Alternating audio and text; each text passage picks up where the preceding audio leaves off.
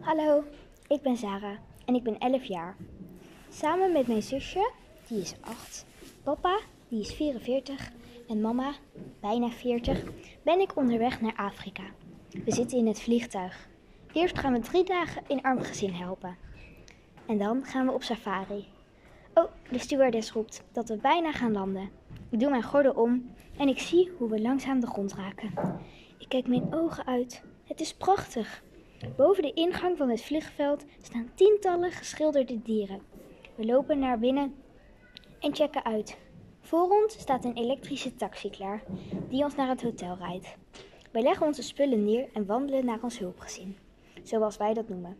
We zijn zo lekker aan het kletsen dat we bijna vergeten waar we voor kwamen. Maar als ik de schoenendoos voel, weet ik het weer.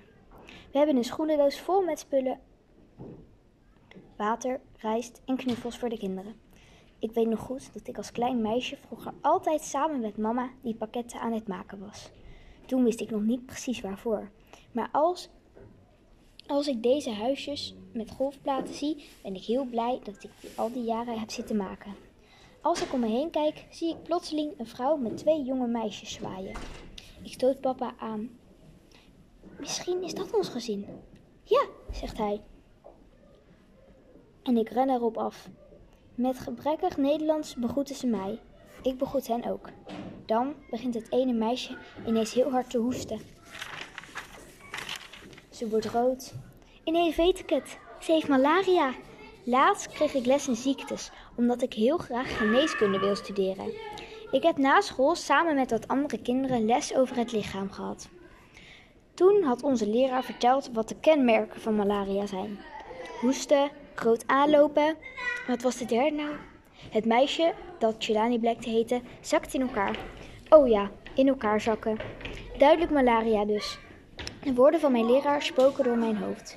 Leg de patiënt op een bed en koel het hoofd. Ik maak duidelijk tegen de moeder van Jelani dat ze malaria heeft. Ze knikt begrijpend. Dat komt hier wel vaker voor. De doktoren zeggen dat het, midden, zeggen dat het middel Malesi helpt, maar niemand kan het hier betalen. Ik denk na. Waar heb ik dat middel eerder gezien? Ik weet het, roep ik uit. In de EHBO-koffer. Papa en mama kijken me niet begrijpend aan. Ik ren weg. Ik ren en ren, zo hard ik kan. Ineens bedenk ik dat we bijna ook een kwartier in de taxi hebben gezeten. Ik sta langs de weg, wachtend op een taxi. Ik voel me net iemand van jachtseizoen. Dat keek ik in de klas heel vaak. Daar stopt iemand. Ik doe de achterdeur open en spring in de auto. Onderweg naar het hotel leg ik de mevrouw alles uit. Ze rijdt me naar het hotel en ik pak de EHBO-koffer. Dan gaat alles heel snel. De mevrouw rijdt me terug en ik geef het potje met Maleisi erin aan Jelani. En na een paar uur is ze weer helemaal de oude. We namen afscheid van de Afrikaanse fam- Zo.